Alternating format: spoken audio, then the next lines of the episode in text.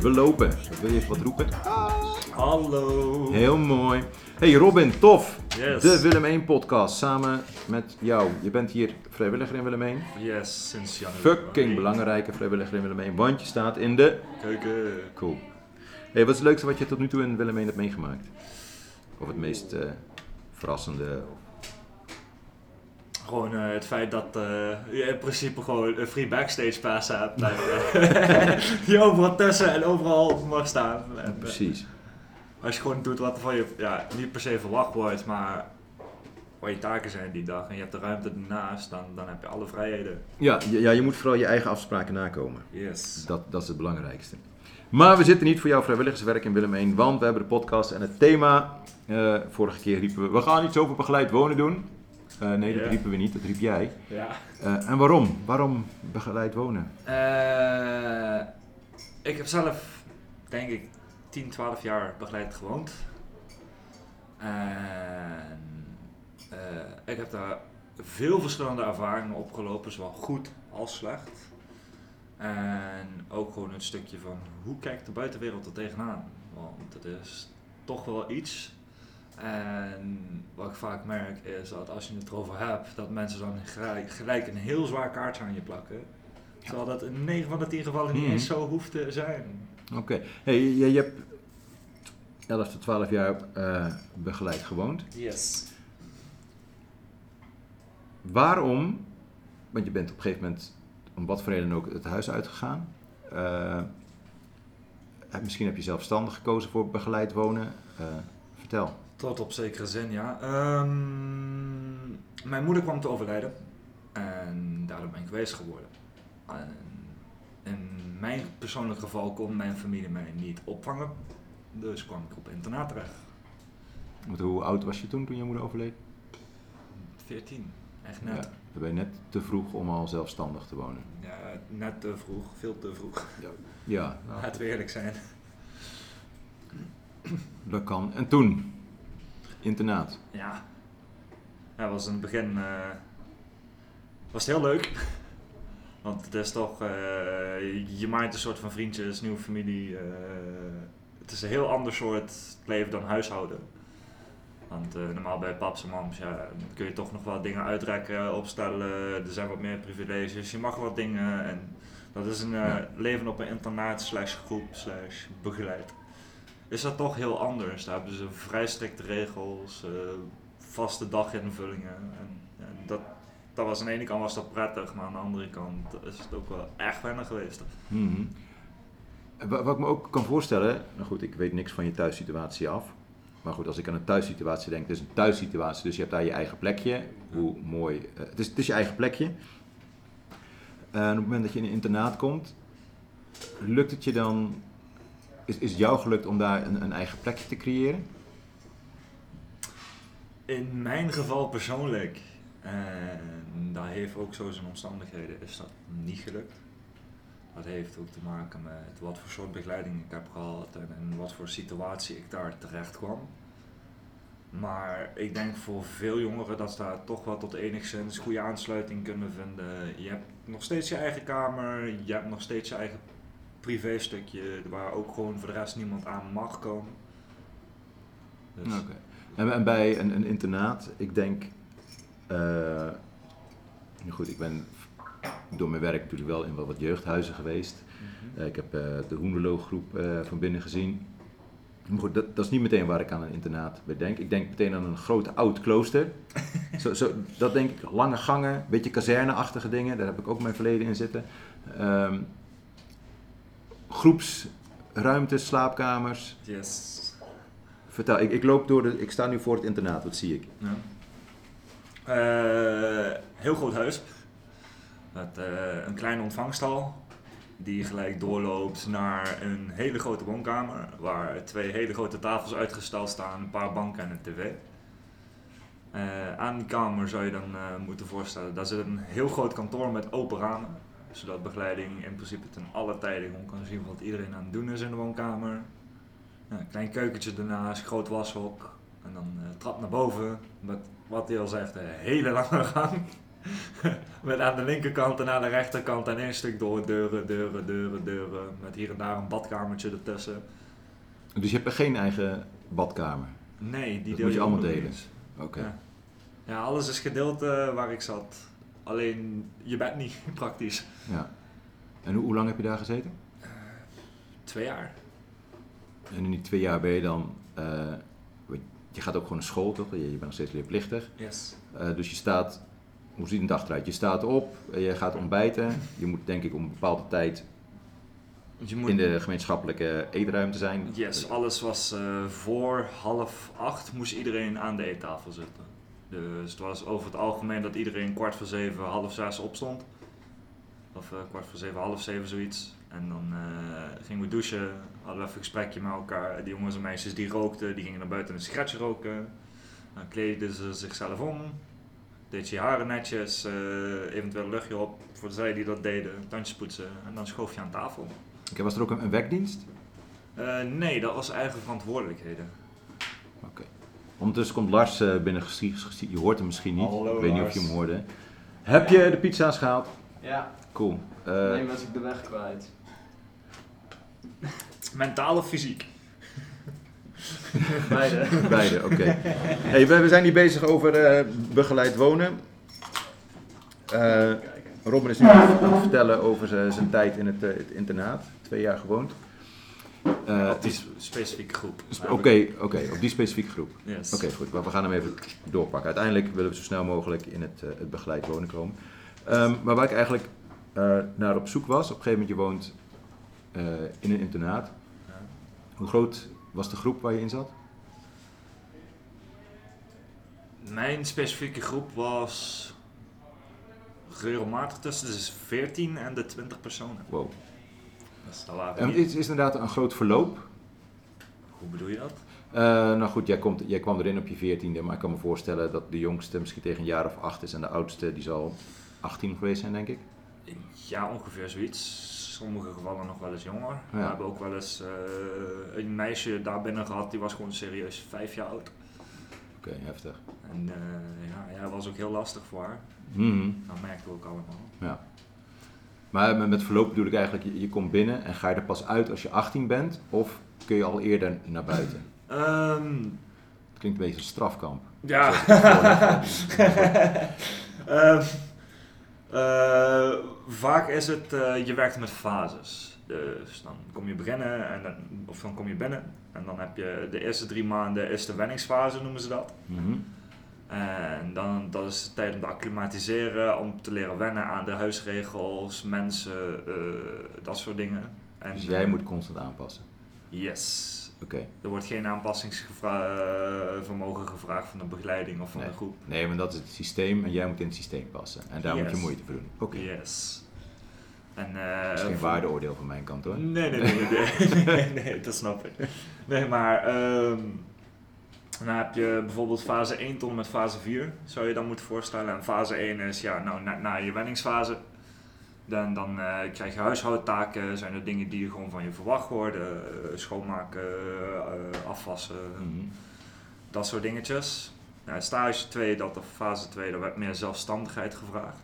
Dus dat was meestal vanaf een jaar of 14, 15 tot een jaar of 16, 17.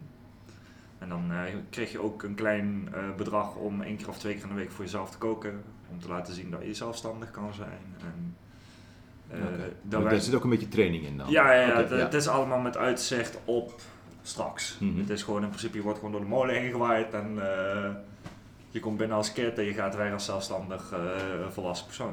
Dat is het hele idee. Ja.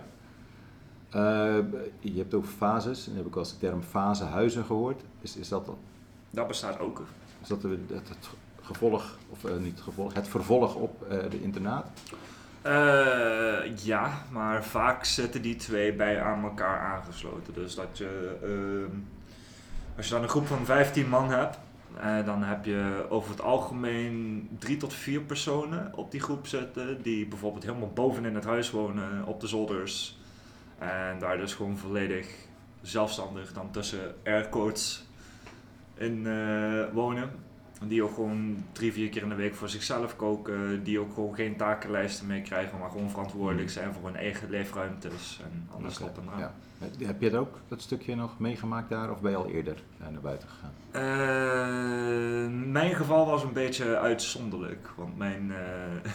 Ik denk dat voor iedereen geldt dat zijn haar geval uitzonderlijk is. ja, alleen bij mij is het heel fout gegaan. Oh. Het internaatleven. Dat, eh, er zijn dingen gebeurd waardoor dat ik stappen en acties heb moeten ondernemen die gewoon niet goed waren, die ook gewoon niet goedgekeurd waren. En die ook repercussies hebben gehad voor mijn leven. En eh, ik heb ook eh, persoonlijk een klein stukje van mijn jeugd moeten overslaan daardoor. Oké. Daar gaan we het nog niet over hebben, denk ik. Als ik zo naar je kijk, denk ik, van, Daar houden we mogen besloten. Daar mogen we het best over hebben. Ja? Oké, goed. Ja, dus eh, eh, ik ben fysiek en mentaal mishandeld geweest in mijn internaatleven. En dat heeft zich anderhalf, twee jaar lang heeft zich aangehouden. Ook meteen vanaf je veertiende? Vanaf het eerste moment dat ik op de groep kwam. Oké, en werd het gedaan door groepsgenoten, begeleiding? Beide.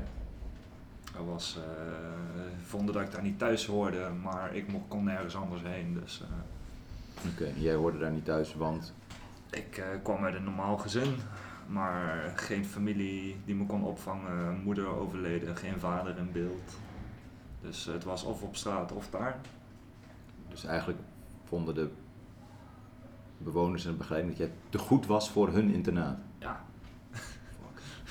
Klinkt heel krom hè? Ja, nee, Ik dat zat over terugdenk. Je mag inderdaad zeker van begeleiding verwachten dat ze het beste met eh, kinderen voor hebben. Ja, Oké. dat is... eh, laten we gewoon zeggen dat het flink uit de hand is gelopen. En eh, dat ik daar drie jaar celstraf voor heb gekregen. En het is, ik klinkt misschien heel ruw wat ik ga zeggen, maar het is een van de beste keuzes die ik in mijn leven heb gemaakt. Ik weet niet wat je keuze is geweest. Eh, ik ben van mezelf af gaan bijten. En dat heeft echt wel mijn leven gered. Achteraf gezien. Het Ja. is niet, eh, ik ga het echt niemand aanraden, maar Mhm. het heeft er wel voor gezorgd dat ik nu zeker sterker in mijn schoenen sta. Ja. En ook gewoon dat ik beter af ben. Ik ga het bij Ernst en zo halen. ook. Komen er ook meer met. En pizza's zijn bijna klaar. Kijk, mooi. Ondertussen, de pizza's zijn bijna klaar, hoor ik. Hey, pizza, pizza. Ehm. Goed, even tijdslijn in mijn hoofd vanaf jouw bon. Heb je de bon? Ja, die zat in de tas dan. maar die Zorg dat ik die hier krijg. Als ik die bon hier niet heb, dan krijg ik de grootste trammeland. Ja. Dan krijg ik ruzie. Pak hem dan. Ja, in Willem Gaat 1 van- mag gaat van zijn je... loon af. Ja, precies. In Willem 1 krijg je, eh, als je boodschappen gaat doen, krijg je mij een soort van simple card mee. Een soort van eh, pinpas. Maar ik moet het verantwoorden aan Rijnstad. En Rijnstad moet het weer verantwoorden aan een derde partij. Gemeente. eh, belasting. Eh, niet eens aan de gemeente, gewoon aan de belasting. Eh, maar overal zijn bonnetjes voor nodig. Dus als ik een bon mis, ik krijg echt... Ja, ga maar... ta- Nou goed, het zal allemaal zo zijn. Yes. hey, maar dat is het stukje verantwoordelijkheid wat ik krijg. Hoeveel verantwoordelijkheid heb jij gekregen ehm, in een internaat? Wat, wat is jouw... Wat mag wel, wat mag niet? Ik bedoel, Eh, ik hoor hele nare verhalen, of tenminste, ik, ik denk dat ik hele nare, nare verhalen kan oprakelen. Yes. Dank je voor de bon. Ik kom er gezellig bij zitten, als je durft. Ik heb niet veel om te praten. niet uit, misschien komt dat vanzelf. Je mag altijd dingen vragen. Je mag ook luisteren. Ehm, nee, we laten die verantwoordelijkheid even, even dingen zo. Op een gegeven moment heb je gezegd van, ik heb eh, het lot in eigen hand genomen. Eh, daar heb je voor geboet. Yes. Eh, maar als je het niet had gedaan, dan was het eh, slecht met je afgelopen, geef je aan. ik denk het wel. Ehm, je veertiende, je komt in een internaat. Je hebt er twee jaar gezeten, Yes. toch? Dus je zestiende, Mhm. toen ben je de bak ingegaan. Yes. Jeugdgevangenis. Jeugdgevangenis. In hoeverre is het internaat anders dan een jeugdgevangenis? Ehm, mijn persoonlijke ervaring, en dat is dan, dan heel cru als ik dat zo zeg, maar het enige verschil is dat je niet zomaar naar buiten mag en dat er een 4 meter hek om je heen zit. Maar dat komt ook ergens omdat ik niet heel veel goede ervaringen ermee heb gehad. En ik denk zelf ook als ik eh, andere mensen spreek van tegenwoordig en ook het groepswerk wat ik heb gedaan in het verleden, dat het toch wel heel veel verbetering is. Jongeren krijgen veel meer eigen verantwoordelijkheden, mogen veel meer, kunnen gewoon avondje wegblijven. Mhm. Als er een keer wat is, maakt het niet uit, kan gebeuren, weet je wel. Ja, maar misschien heeft het ook wel specifiek, eh, ligt het aan de locatie waar je eh, Ik denk het ook. in de internaat zit. Ehm natuurlijk een stap sneller. Je bent eh jeugdgevangenis uitgekomen. Je hebt drie jaar gezeten, dus je bent nu 17. Nee, eh 19. 19 toen je eruit kwam inderdaad. Yes.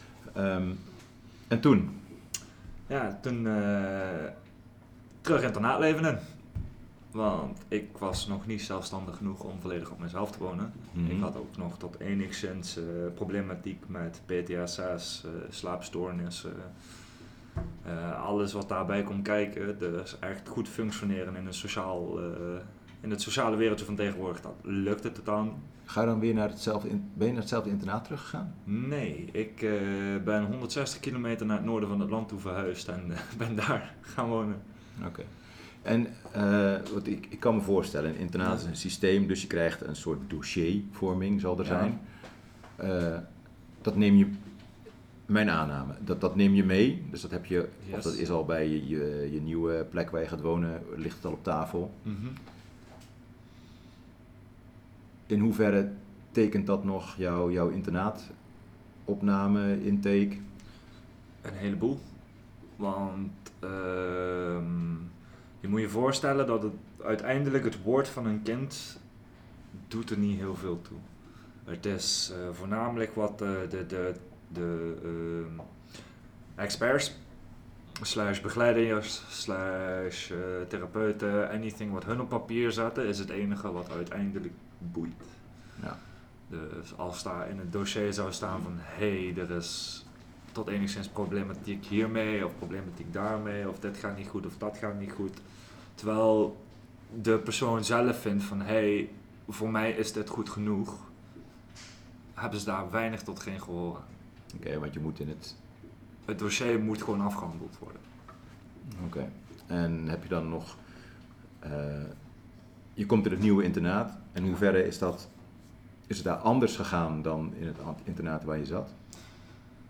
Ehm, zal ik heel eerlijk zijn, bij mij was het eh, eerste wat er gebeurde was, want eh, ik kwam rechtstreeks uit de gevangenis. Ik had eh, een politieagent, het hoofd en twee begeleiders tegenover mij zitten van hé, hey, als je één keer wat flikt, word je gelijk meegenomen. En begint het ritteltje gewoon weer lekker van vooraf aan. En dat was heel heftig om aan te horen. Want ik kreeg in principe, voor mijn gevoel, kreeg ik niet echt een tweede kans. Ondanks alles wat er gebeurde is en ook ondanks dat het niet helemaal alleen in mijn hand lag. Maar dat heb ik godzijdank los weten te laten en gewoon lekker op mezelf wezen focussen. En eh, ja, van daaruit gewoon eh, vanuit mezelf geprobeerd om een nieuwe start te maken. Hoe lastig Mhm. dat ook was. Dat lijkt me behoorlijk lastig, want als je op je veertiende eh je familie verliest, toch, want dat, dat gebeurt eigenlijk, je moeder overlijdt, Het overkomt je allemaal. het overkomt je allemaal. Op je veertiende rol je zo langzaam de puberteit in. Een heleboel dingen die normaal zijn, die maak je op een andere manier mee. Het zijn allemaal aannames voor mij, zeg maar als ik het verkeerd heb. Ehm, vervolgens besluit je iets te doen, daardoor kom je in de gevangenis. eh, dus draai je nog steeds niet mee met eh, de maatschappij. Ik heb geen idee wat de, de rest van je familie ondertussen voor een rol heeft gespeeld. Eh, maar je komt eruit, je kan ergens opnieuw beginnen. En eigenlijk begin je helemaal nergens opnieuw, want alles wat je gedaan hebt, wordt, meegenomen, meegenomen, en dan ja. word je meteen bam mee geconfronteerd. Je hebt je te gedragen. Ja. Lijkt me vrij heftig. Eh, dus respect voor je dat je zelf besloten hebt van hé, hey, ik ga aan mezelf denken. Ik kan me ook voorstellen dat je heel erg de kont tegen de krip in gaat gooien en dat je zegt van hé, hey, jullie denken dat ik zo ben, nou laat ik maar zien dat ik zo ben. Heb ik ook nog wel een periode gedaan, maar dat eh, is iets later geweest. Oké, daar zijn we nog niet. Nee, daar zijn- Mooi. Daar zijn we nog niet. Ik eh, ben ook niet de slimste thuis. Nou ja, goed, eh, voor zover ik jou ken, zie ik alleen maar een, een hardwerkende gast die hard heeft voor hetgene wat hij doet. Ja, Soms iets te veel hooi op zijn vork neemt. Iets. Dat, dat, maar dat is vanuit een verantwoordelijkheidsgevoel. eh, en een soort van bewijsdrang. Zo van ik kan het wel en ga me niet, eh, want ik kan het. En eh, goed, het kost je, je je eigen gezondheid. Ja, Dus dat sommige gevallen ook wel, ja. Maar goed, bam, tweede internaat. Yes. Ehm, hoe lang heb je daar gezeten?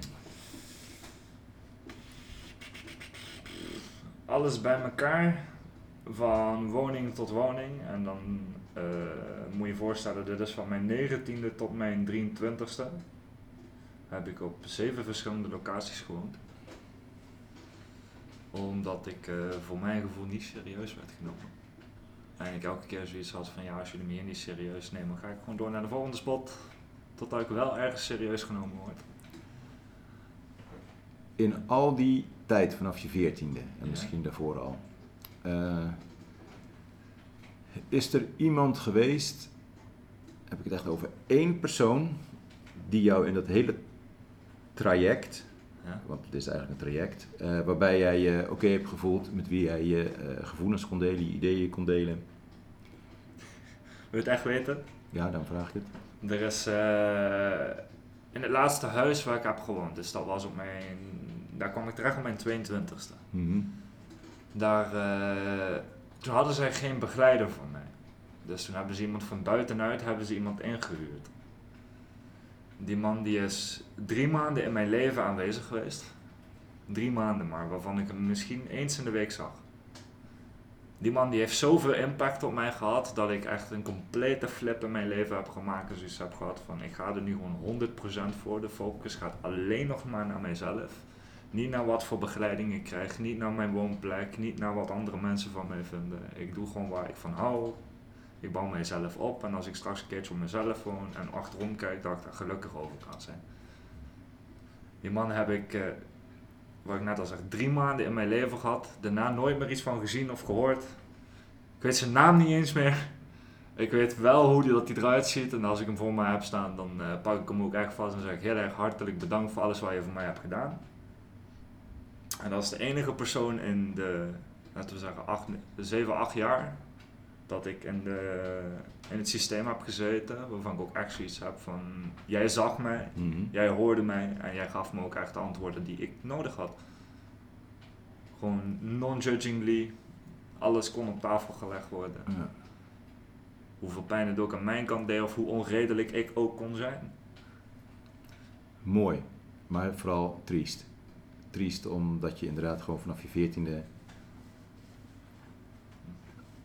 In mijn gevoel, alles wordt gewoon onder je, voor je voeten weggemaaid. Je flikkert in een gat. En overal staan wel mensen, je moet dit doen, je moet dat doen. Maar Ja. niemand die het daadwerkelijk lukt om jou de juiste hand te geven. Ja. Eh, en dat uiteindelijk dan in een systeem, iemand van buitenaf het systeem in moet komen. Om jou dat wel te kunnen bieden. Nou, En wat waarschijnlijk ook maar geluk is geweest. Eh, Ja, want eh, god weet hoeveel eh, ZZP'ers er zijn in de zorg. Dat ik nou net Mhm. echt de juiste ben tegengekomen. ja, mooi.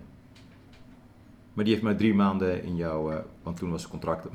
Ja. Waren de uren En op. ik heb ook echt gewoon nog net niet lopen smeken bij het Mhm. hoofd. Van hey, kan ik alsjeblieft met hem mee? Of kan hij alsjeblieft Ja. voor jullie permanent ingehuurd worden? Als ik daar zelf wat voor moet betalen, interesseert me geen zak. Mhm. Maar dat kon niet. Ja. Maar die drie maanden hebben dus wel een, een beweging gemaakt. Ja, echt wel. Eh, want wat is er na die drie maanden gebeurd? Ik eh, ben fulltime gaan studeren. Ik ben eh, gestopt met drugsgebruik. Dat was eh, ook een probleem op een gegeven moment. Eh, ik ben gaan werken. Ik ben me echt gaan focussen op wat wil ik en waar wil ik straks over tien jaar staan. En gewoon ook zo snel mogelijk het systeem uit. Gewoon, en desnoods, als het echt moet, dan ik gewoon een huisje ergens ging huren en zoiets had van, daar ben je de ballen, ik doe het zelf. Mhm. En ik kies wie er bij mij staan en niet jullie. Dus toen ben je het internaat, weer een internaat uitgegaan. Yes. Eh, want nu zitten we op acht internaten, jeugdgevangenis. Toch, klopt dat? Ja. Yes. Ja. In acht jaar tijd. Nee, Yes. niet in, in acht jaar, ja? Ja, oké. Ja, oké. Van mijn veertiende tot mijn, eh, ja, dat is langer zelfs, Ja. ne- negen, acht of negen jaar. Oké. Alles Ehm. Maar uiteindelijk, het laatste, je bent zelfstandig gaan wonen.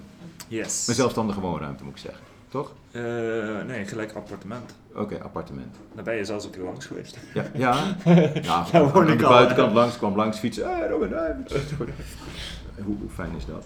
Ehm, maar krijg je daar nu nog begeleiding?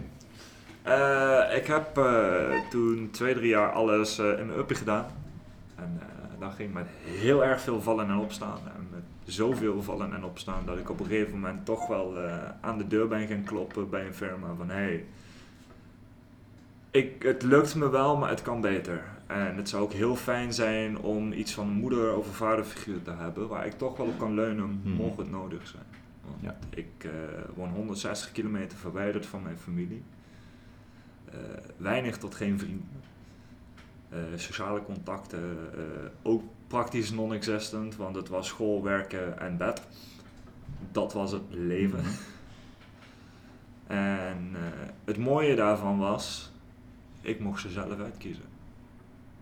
Dus ik had een keertje de teugels in handen. Ja. En dat is voor mij toch echt wel de, de beste oplossing geweest voor dit alles. Want ik heb nu nog steeds, tot op de dag van vandaag, en ik ben nu 28 jaar oud, nog steeds een moederfiguur in, in beeld.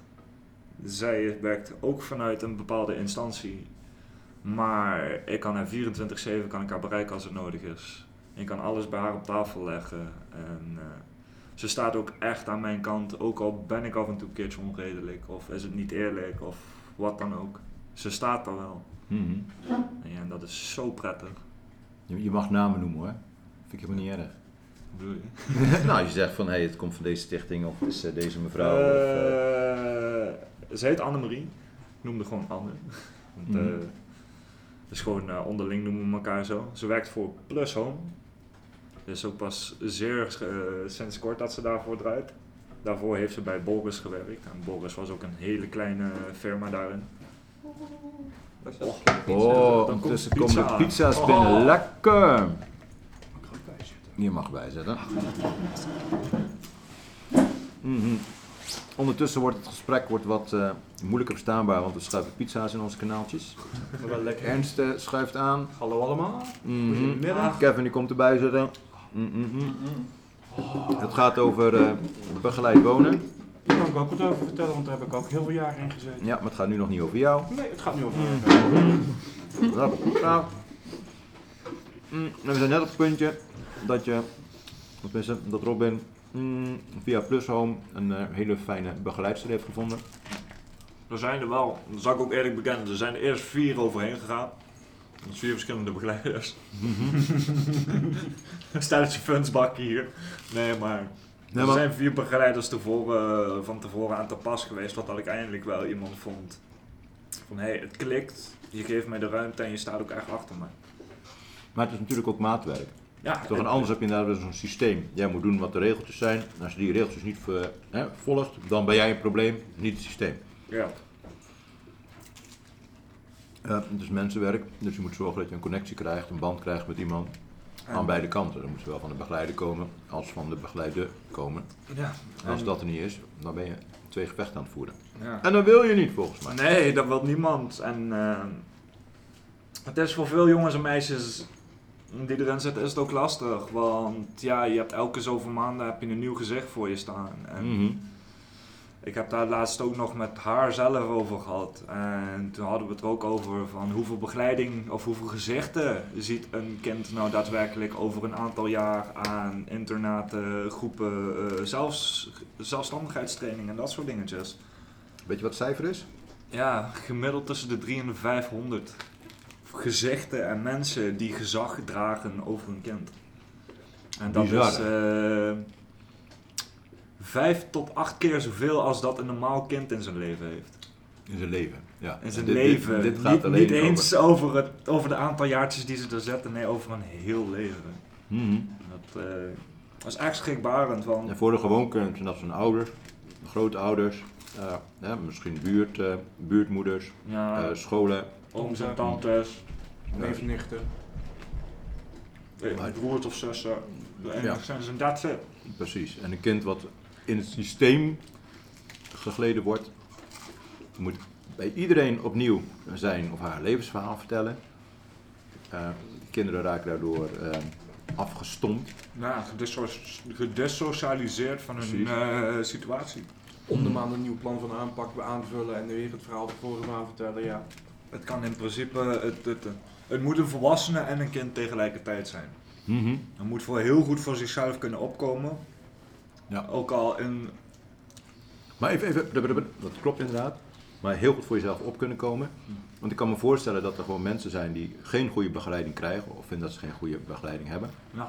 heel Je, je moet naar het kind luisteren. Dus het kind zegt van ik krijg geen goede begeleiding. Of je bent niet die persoon waarvan ik dacht van hé, hey, Mhm. jij, jij bedenkt het beste voor mij.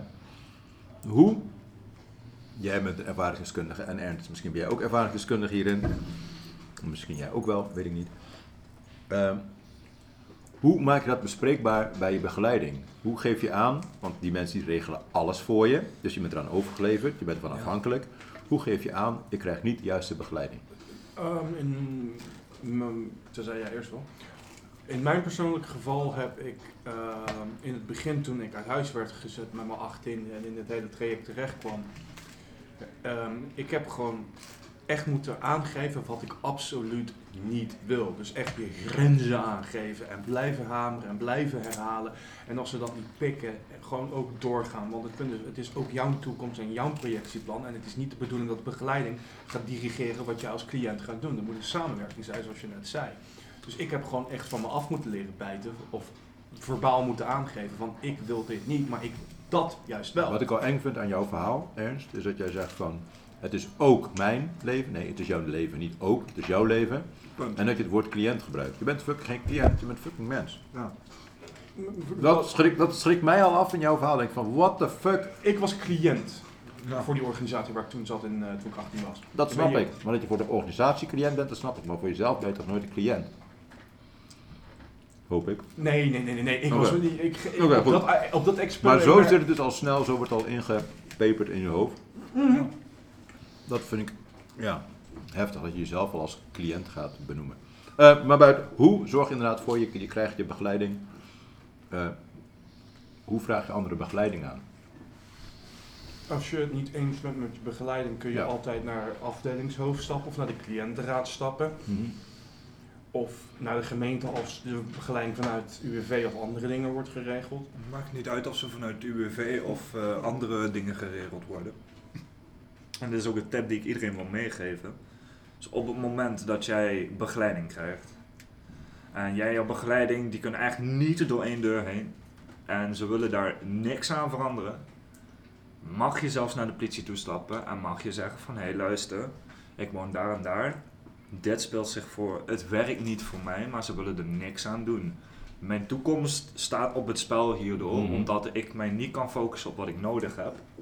Ja. En dan wordt er ook daadwerkelijk wat aan gedaan. Want ook jij telt gewoon. Punt. Precies. En een kinderombudsman?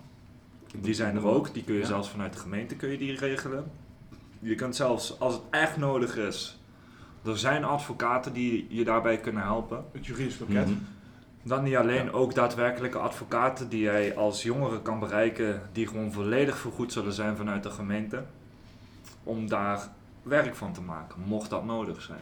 En ik kan, want eh, op het moment dat je onder, eh, ja, is het onder toezicht staan in internaat? Hoe, eh, als je begeleid woont? Ik bedoel, iemand, want je bent nog niet oud genoeg om eigen verantwoordelijkheid te dragen. Nou, dat, dat, dat is dus het lastige. Vanaf je achttiende is het je eigen verantwoordelijkheid. Ja. Maar hun dragen het gezag. Mhm. En eh, het kromme daarvan is, is ehm, als er iets fout gaat, is het jouw verantwoordelijkheid. Maar als iets goed daar gaat, is het hun prees. Precies. Ja. En dat is gewoon een, een ja, Kut ding. ja, het, Het is kut, is oneerlijk. nog zacht, kut, kut is nog zacht Ja. uitgedrukt. Het is echt oneerlijk, want jij moet, jij moet knetters werken voor iets en zij lopen weg met de credits. Mhm. Pronken met de veren van een ander. Ja. Dat. Zo vaak meegemaakt. En, eh, dat, eh, Het, gebeurt, het gebeurt een hoop en Ja, ik ben echt van mening, give credit where credit is due. ga gewoon naar je cliënt toe zo van, hé, hey, je hebt het super goed aangepakt. Geef de credit waar het is. En dus jij bent gewoon het, in- als goede, tenminste in mijn mening, als ik dadelijk klaar ben met mijn opleiding, Als ik dadelijk een begeleider ben, dan ga ik niet met de credits van, van mijn mensen lopen waar ik dadelijk mee ga werken. Van, dan zeg ik gewoon, hé, hey, ik ben blij dat ik je heb kunnen helpen en ondersteunen. Je hebt het zelf heel goed gedaan. Ja, dat is wel heel makkelijk om te zeggen. Ik als jongerenwerker moet mij ook... Ik ben nog geen jongen. Nee, nee, nee, ik maar wil dat als, als, ik, als ik de kans Mhm, krijg, mhm. wil ik dat zo graag doen. Dat is mijn droom en wens. In het Maar ik moet me natuurlijk ook verantwoorden. Ik moet ook zeggen van nou, deze jongeren... En ik weet nooit, en dat zeg ik ook eerlijk... In hoeverre ehm, zijn de gesprekken die ik met jongeren heb... dragen die bij aan een, een positief, een positief eh, gevolg? Toch, dat weet je niet. Dat weet je misschien Dat- dat- jaren later. Dat je iemand tegenkomt op straat die tegen je zegt van... Hé hey Jasper, toen en toen weet je nog... En vaak weet ik dat niet meer. Ik heb gewoon een hoofd als een zeef. Dat is ook wel heel fijn. Dat is misschien ook wel heel fijn voor jongeren. Dan kunnen ze Mhm. altijd fouten blijven maken. Dan krijgen ze altijd eh, niet meer doen, jongens. Nee, is goed. Ehm, hoe maak je dat meetbaar op korte termijn? Ik kan alleen zeggen van ik heb met zoveel mensen heb ik gepraat. Maar dat, het- heb ik, dat heb ik recent op school geleerd. Ehm, we hebben gesprekstechnieken leren voeren. En een van de dingen die je leert is terugkoppelen. Het- Ja, het maar is, als je- Nee, maar het is wel belangrijk, als je, maar dan moet het vertrouwen ook vanuit, de, vanuit degene waar je mee helpt, moet het dan ook zijn. Mhm. Maar het is gewoon ook een kwestie van om de zoveel tijd gewoon even vragen van, hey, luister, we zijn hier en hier mee bezig geweest en gewoon op een ontspannen manier proberen los te krijgen van de cliënt of zij vinden dat het beter gaat. Kijk, cliënten hebben, of, sorry, mensen, ik moet ophouden zeggen met Mhm. cliënten, mensen hebben niet altijd het overzicht over hun eigen hulptraject. Maar dat is ook aan jij als sociaal werker, jongerenwerker, om een beetje daarbij te helpen. Nou, en zijn inderdaad de doelen van eh, de mensen hetzelfde als de doelen van de, de instelling of de stichting waarvoor je werkt? Dat zou, toch zo moeten, jou- dat zou toch zo moeten zijn, anders zit je bij de verkeerde instelling. Eh, nou, dat weet ik niet. Is dat zo? Als jij een hulpvraag hebt over wonen en je krijgt. eh, je, je zit bij een, een, een, een, financiële ondersteuningsorganisatie. Dus zit je volgens mij aan het verkeerde adres. Eh, nee, maar goed, ja, inderdaad. Maar de persoon tegenover je, die heeft veel meer vragen dan alleen maar wonen of financiën. Toch? Het gaat Nee, maar om, om de hele persoon. eh, niet alleen om dat kleine rotvakje. eh, nee, nee, maar al- dat ligt eraan ook hoe groot het traject is en wat voor specifiek traject je hebt. Maar het verhaal, bedoel, als je al hoort van eh, iemand heeft eh drie tot, tot 500 eh, mensen die verantwoordelijk zijn over de toekomst, of die verantwoordelijk zijn voor de toekomst van iemand, kan ik me heel goed voorstellen dat als je daar als met je beste intenties je lijstje afvinkt van, oh ja, ik moet kijken of mijn eh, vraag aangekomen is, dus ik doe dat hè, met, met, Ja, een toetsvraag. En kind- kinderen die, die hebben dat toch door, die merken van oké, de persoon die tegenover mij zit, die vraagt wel, maar de vraag is niet oprecht. Of de vraag komt nog niet bij mij binnen, of de band is er nog niet. Dus een Dan kind is zegt het- van ja, het gaat inderdaad heel goed, ik heb steeds Dan- meer vriendjes. Ik slaap Ja. steeds beter s'avonds. Ik ga op tijd naar bed en ik ga Ja. mijn huiswerk en dat soort dingen. Het punt is, dan, dan, dan gaan we weer terug naar wat je zei. Dan, dan worden ze inderdaad als cliënt behandeld en niet als kind. Mhm. Ehm, kijk, en dat is het nare van het beroep ook. Het is helaas zo dat eh, eh, rapporteren neemt steeds meer tijd en tijd en tijd in beslag. Ja. En de personen echt als kinderen behandelen, als mensen behandelen, wordt steeds kleiner.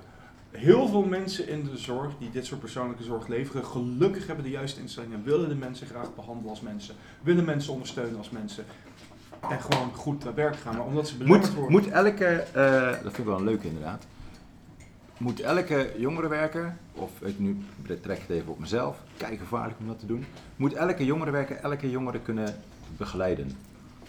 Nee. Nee. Nee. Oh, nee. Nee. Ik zou, eh, het is gewoon h- half een schrapje, maar wel half gemeen. Ik, ik mag je als persoon, Jasper, maar jou als mijn persoonlijke begeleider hebben.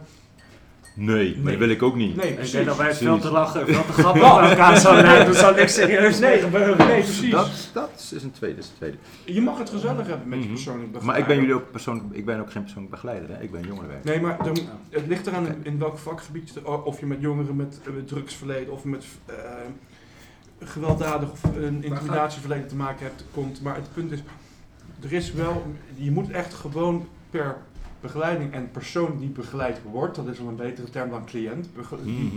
moet je gewoon op persoonlijk niveau gaan kijken van wat kunnen zij aan, hoe persoonlijk kun je bij ze worden. Want sommige mensen willen het gewoon echt strak en zakelijk houden. Nou, Je daar wil koos ik niks persoonlijks van de begeleider horen. Die hebben zoiets van, dat boeit me niet, je bent hier om mij te helpen, niet om Ja. levensverhaal neer te Daar heb ik ook in het begin gehad. Heel erg. Yep. Met mijn, eh, met Annemarie. dat ik ook echt zoiets had van luister, we houden het eerst heel zakelijk. Ook omdat ik gewoon heel voorzichtig ben met wat voor begeleiders ik op mij heen heb. En omdat zij toch wel deel uit gaan maken van mijn leven, wil ik gewoon eerst dat dat stukje helemaal op orde is. En dan zien we de rest wel. En, eh, tegen, de, tegen de tijd dat je een half jaar met elkaar aan het praten bent, wordt het automatisch wat persoonlijker. Mhm. Precies. Dus dan ga je ook meer over je thuissituatie vertellen. Dan ga je ook meer je persoonlijke dingetjes bij elkaar neerleggen. En als het een keertje even niet gaat, dan bleer je het er ook gewoon uit bij. En dat, dat is gewoon iets wat je moet verdienen bij elkaar. En Absoluut. daar, daar gaat gewoon tijd overheen. Dus en dat stukje zou ik ook gewoon nooit te veel pressure leggen. Zowel niet als begeleider als begeleiding. Mhm. Nee, dat kun je natuurlijk ook niet forceren. Nee. Toch? Nee, Eh, het- je moet allebei als mens tegenover Ja. elkaar zitten. Eh, de relatie is natuurlijk wel, de een heeft een vraag, een behoefte aan iets en de ander is of heeft het antwoord. Mhm. Dat is natuurlijk het, het, het super lastige. Ehm, Misschien ook niet, want eh, niet alle begeleiders weten ook alles. Dus het zijn ook maar eh, mensen. nee, precies, maar die moeten denk ik niet alles weten. Nee. Toch? Ik bedoel, ik- Nee, maar op het moment dat jij opgroeit thuis, weet je moeder ook niet alles. Al zegt ze wel van, nou dat zou mijn kind nooit doen. Ja. Lieve moeders van Nederland, ik als jongwerker kan hierbij bevestigen dat je niet alles weet van je zoon. Nee, ik weet wel alles van mijn zoon, dat zal mijn kind nooit doen. Ja, jouw kind doet dat ook. Ik, ik, ik, ik als voormalige qua jongen als puber kan ook bevestigen dat ik ook dingen heb gedaan waar ik mijn moeder pas recent van op de hoogte heb gebracht. Iets van 10, 12, 15 jaar later. Maar laat ik het zo zeggen, als je kind vriendjes of vriendinnetjes heeft, gebeurt er altijd wel iets wat niet kan. Ja, nee, mijn kind, mijn kind niet. Mijn kind doet dat niet. Boeien. Ja, er sneuvelt een Ja, ruitje, er gaat wel eens wat kapot. Ja, Ja. Niemand duwt ook wel eens een keer een zak chips achter in de tas of een big Ik bier. wou eh. Hey, maar we dwalen of, eh, af van het onderwerp begeleid wonen. Ehm, Hoe mijn begeleid wonen eruit zag? nou ja, vanaf wanneer ben jij, vanaf je 18e ging je het huis uit. Ja, Toen ben je, ehm, waar ben je terechtgekomen? Ik ben terechtgekomen, ik heb eerst twee, drie weken op straat geleefd. Wel met dagopvang bij vrienden en Mhm. familie slapen, maar dat hield op een gegeven moment ook gewoon op. Ik ben toen via een oud begeleidster die waar eh, ik vroeger bij zat eh, terechtgekomen bij een dakloze jongerenopvang. Die bestaat inmiddels niet meer, maar die zat in Vermont. En Ondertussen komen de nieuwe pizza's. ja, Yeah. lekker Dit kaaspizza. zijn goede pizza's, eh Dit zijn jongen. betere pizza's die we normaal halen. Kijk, kijk, kijk, kijk. Chris heeft ook honger. Ja, toch? Chris was het toch? Oh ja. Chris. Dit is Chris, is eh, een van onze nieuwe vrijwilligers. Welkom Chris. Hoi Chris, Ja, we zitten in de, de, pizza, de Willemijn Pizza podcast. Elke dinsdag vanaf 2 uur hebben we een podcastopname. Vaak live, dit keer niet omdat we, hoe noem je dat, moeten opbouwen voor Koningsdag.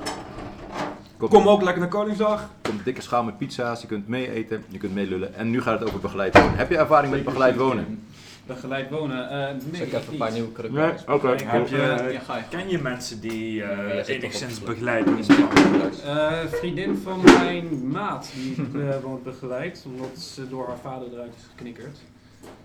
Precies zo. En ik hoorde dus eh, dat het niet, altijd heel fijn is. Ze woont zeg maar met allemaal mensen die drugs gebruiken en zo doen. En, ja. Mhm. Ja, dat gebeurt nou. Ik hoorde ook dat ze een huisgenoot heeft en elke keer als ze langs dat, eh, die kamer eh, komen, ruikt ze een of andere chemische eh, lucht. Dat wil je niet. Nee. Ja, die jongen die kwam dus uit eh, ja, een gekhuis, laten we zo maar zeggen. Niet te veel details. Maar waarom, Nee. dat, dat vraag ik me ook af. Een heleboel jongeren die kiezen er volgens mij, daar kiezen ze denk ik niet zelf voor. Ergens is de eerste stap van een hoop jongeren om begeleid te gaan wonen. Wordt het altijd opgelegd? Is het een eigen keuze? Denken jongeren dat ze nog niet klaar zijn? Of kiezen ze voor de makkelijke weg? Nou, dan heb je in ieder geval goedkoop een kamer en dan word ik ook nog geholpen met financiën. Mag ik daar wat over kwijt? Ja. In veel gevallen, en dan spreek ik echt volledig over mijn persoonlijke biased eh, view, en dat is gewoon vanuit het stukje van wat ik gezien heb, is het last resort. Want het is in veel gevallen is het of je woont onder een brug, Mhm. of je woont onder een dak met begeleiders. Ja, zoals jij net aangaf. Jij bent begonnen bij eh, dakloze opvang, nachtopvang, Nee, gewoon. eh, vrienden, eh, vriendinnen. nee, gewoon dag op. gewoon ook waar je kon slapen en gewoon Mhm. een kamer had. Maar wat, eh, wat, hij, wat hij hier beschreef is. ehm, ik was de enige niet zwaar drugsgebruiker in het pand. Ik rookte wel, maar dat was het enige wat ik deed. Maar We hadden regeltjes in dat huis. Je mocht 's ochtends pas na, als je niks te doen had, want de mensen die hadden niks te doen, mocht je pas na 12 uur 's het huis uit. Had je 's ochtends twee klusjes. Nou, ik had gewoon 's ochtends afspraken staan dat ik gewoon de deur uit kon. Dus ik stond gewoon om 7 uur op. Ik maakte de badkamer schoon. En ik had de afwasmachine van de avond ervoor gelegen. Nou, heb ik met twee poetstakers gedaan. Want dan had ik altijd zoveel gezeur, maar ja, met de regels gelden voor iedereen. Je mag pas om 12 uur weg, je mag pas zitten, mag pas zo. Ik heb daar een hele fijne begeleidster gehad, genaamd Sanne.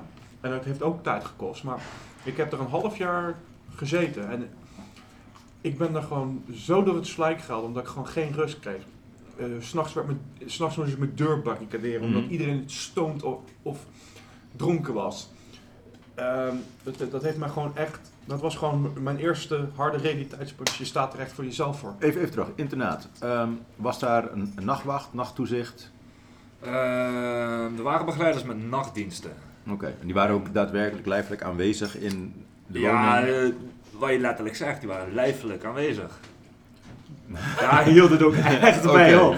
Dat, was, dat was ook echt zo van, eh, in ons geval, en dan spreek ik voornamelijk over het eerste internaat waar ik dus heb gezeten, waar het ook echt goed fout is gegaan, is, eh, die kwamen om 9 uur s'avonds kwam die binnen.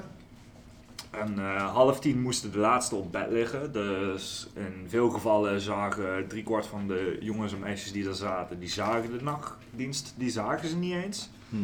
En die draaiden dan een dienst tot 7 uur s ochtends. Een slaapdienst dan. Ja, en dan eh wisselde die af met de eerstvolgende de begeleider die de ochtenddienst draaide. Ik ben nog even het logboek zo ingevuld, goed geslapen. Bijvoorbeeld. Piemetje van kamer Stille 13 nacht. heeft weer... eh, Ja, bijvoorbeeld. Of eh, er is, eh, ja, dat, dat soort dingetjes. Maar echt aanwezig waren ze niet. Als er echt Mhm. eens een keer wat aan de hand was. Ja, die zaten gewoon beneden tv te kijken. Of die zaten achter het, achter het pc'tje op een kantoor. Of die lagen gewoon serieus in coma, coma te slapen. Dat de hele groep op stelte lag. En hun lagen gewoon knock-out door één of twee slaaptabletten heen te slapen. eh, omdat ze gewoon geen zin hadden om die jongeren tot enigszins tot rust te krijgen of wat dan ook. mhm. Wij hadden wel een nachtwaker die gewoon echt de hele nacht wakker bleef. Ja, dat, dat, dat, dat ging er bij ons echt niet in. Ehm, maar als er zoveel drugs gebruikt wordt, Nee, kijk het- gewoon jongeren van nu, nee een maar- heleboel jongeren die gebruiken sowieso drugs. Ja. Kun je dat verbieden in begeleid wonen? Ja, maar nee. dat. Ja, dat, dat weet ik niet, ja maar nee. Ja, je kunt Theorie inderdaad ja, op papier praktijk, verbieden. praktijk is wat anders. Maar een, een woningbouwvereniging, want die zorgen eigenlijk voor de woning, zoals eh, bij begeleid wonen of bij een internaat ook voor een slaapplek zorgt. Yes. Ehm, in hoeverre mag een, een internaat of begeleid wonen ingrijpen op jouw zelfgekozen vrije tijdsbesteding? Als het, Ja, kijk, het punt is Nee, maar we hebben het niet over een jointje roken. hè. We hebben het echt gewoon over harddrugs in dat huis. Ja, ja, maar-. Ja, nee, ik, ik, ik, ik- absoluut. Ik ben niet voor eh harddrugsgebruik. Eh, ik ben eh, ook niet voor blowen Laten we even... of drank. eh, ik heb in de binnenstad gewoond op een groep. Of op een groep, op eh, zelfsta- zelfstandigheidstraining was dat. Er waren Mhm. drie etages waren dat. En hoe het er letterlijk uitzag was, op de eerste etage, waar ik onder andere ook woonde, daar waren alle dealers die zaten daar. Op de tweede etage zaten alle jongens en meisjes die eh aan god weet nog wat verslaafd waren. En op de derde etage zaten de meisjes en jongens die zichzelf deden verkopen voor drugs. En dat was echt geen pretje om daar te wonen. En echt vanaf moment één dat ik daar heb gewoond, eh, heb ik daar heel veel stress mee ervaren. En op dat punt in mijn leven deed ik toen nog alleen maar blowen. En eh, toen heb ik één keer een jointje uit mijn raam lopen roken. S'avonds. En toen kwam toevallig even een begeleider door de straat heen gefietst. En de volgende ochtend kon ik mijn spullen pakken en mocht ik twee weken de straat op. Terwijl eh, de zooi bij de ander gewoon in de koelkast lag en ze trokken de koelkast open. Oké, trokken hem dicht, wandelden de kamer uit en er werd niks van gezegd. Ja. Dus de, het, wa- Ja. ja, het, is, het is heel dubbel. Het is echt heel dubbel. Ik ben ook echt van mening van... Het liefste niet.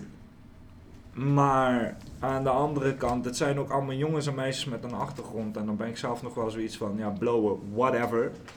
Maar Hmm. andere zooi gewoon niet. Maar hoe gevaarlijk is het dan inderdaad dat wanneer je, je wordt, eh, om wat voor reden dan ook, kom je in een internaat terecht of je eh begeleid wonen of een andere woonvorm waarbij je niet zelfstandig eh, Je gaat van de ene giftige situatie meestal gewoon door naar de andere. Ja. En dan moet je leren dealen met de situatie die je ook Je moet juist niet leren dealen, want dan blijf je Nee, nee, nee, nee, nee, niet op die manier. Je moet, je moet letterlijk leren omgaan. Juist, je blijft wel dealen dan. Dan ga je naar etage 2 of 3, dan wil je wegblijven. Ja, dat is Om, goed. om, het even, om het even heel makkelijk te zeggen, dan moet je gewoon omgaan met de hand die je gespeeld wordt in die situatie. Punt ik, eh, Je hebt geen keuze. je hebt geen keuze. Je moet, je moet gewoon echt vol, je wordt gewoon Mhm. gedwongen volwassen te worden en te leren omgaan met mensen waar je normaal gesproken niet mee of zou willen omgaan. Dan zit je gewoon 24 uur 7 tussen. Heel vaak. En dan moet je gewoon mee omgaan. Want ik ben van die dakloze jongerenopvang ben ik naar een 24 uur school op straat verderop gegaan. Waren de muren flinterdun. En moesten we gezamenlijk eten. Als je ook maar vijf minuten te laat voor het eten was. Was ah, op. Nee, geen vlees meer. En nog een beetje groente had je pech. Dus ik ben gewoon daar gaan koken. Om betere kwaliteit eten op tafel te krijgen. Want de meeste van de begeleiders die konden niet koken. En de anderen die kookten gewoon letterlijk de vlees rauw en eh, niks lekkers. Dus ik ging gewoon daar vier, vijf keer in de week koken. Gewoon omdat ik wist dat ik een maaltijd had. Dan zette ik mijn bordje gewoon in de zijkeuken. Mhm. In de magnetron. Dat niemand het zag. Kon ik gewoon op het einde gewoon mijn bordje pakken. Kon ik rustig eten. En ik ging meestal gewoon boven op mijn kamer eten. Omdat ik gewoon rust aan mijn kop wilde. Omdat ik gewoon kapot klaar was met die mensen. Dus eigenlijk een, een- tip voor mensen die eh, begeleid wonen, zelfs of eh, ambulant eh, begeleiding krijgen. Zorg voor jezelf. Ja. Je moet je eigen Maar kun je voor jezelf zorgen als je in een systeem zit waar er voor je gezorgd wordt? Nee, in veel gevallen Want niet. alles wordt afgestraft natuurlijk. Ja. En niet alleen per se afgestraft door begeleiding, maar je hebt ook de groepsdruk eraan zitten. Mhm. Weet je, ehm, Niet echt fit. je eh, ze zeggen altijd liever een goede buur dan een verre vriend. Ja. En dat is eh, ja, eigenlijk wel een hele goede uitspraak. Maar aan de andere kant is, je zit tussen allemaal mensen met ook een achtergrondje. Die ook problematiek hebben, die eventueel verslaafd zijn of whatever. Nou, en je, zit- wordt- en zit je wordt ook- natuurlijk geplaatst in een groep.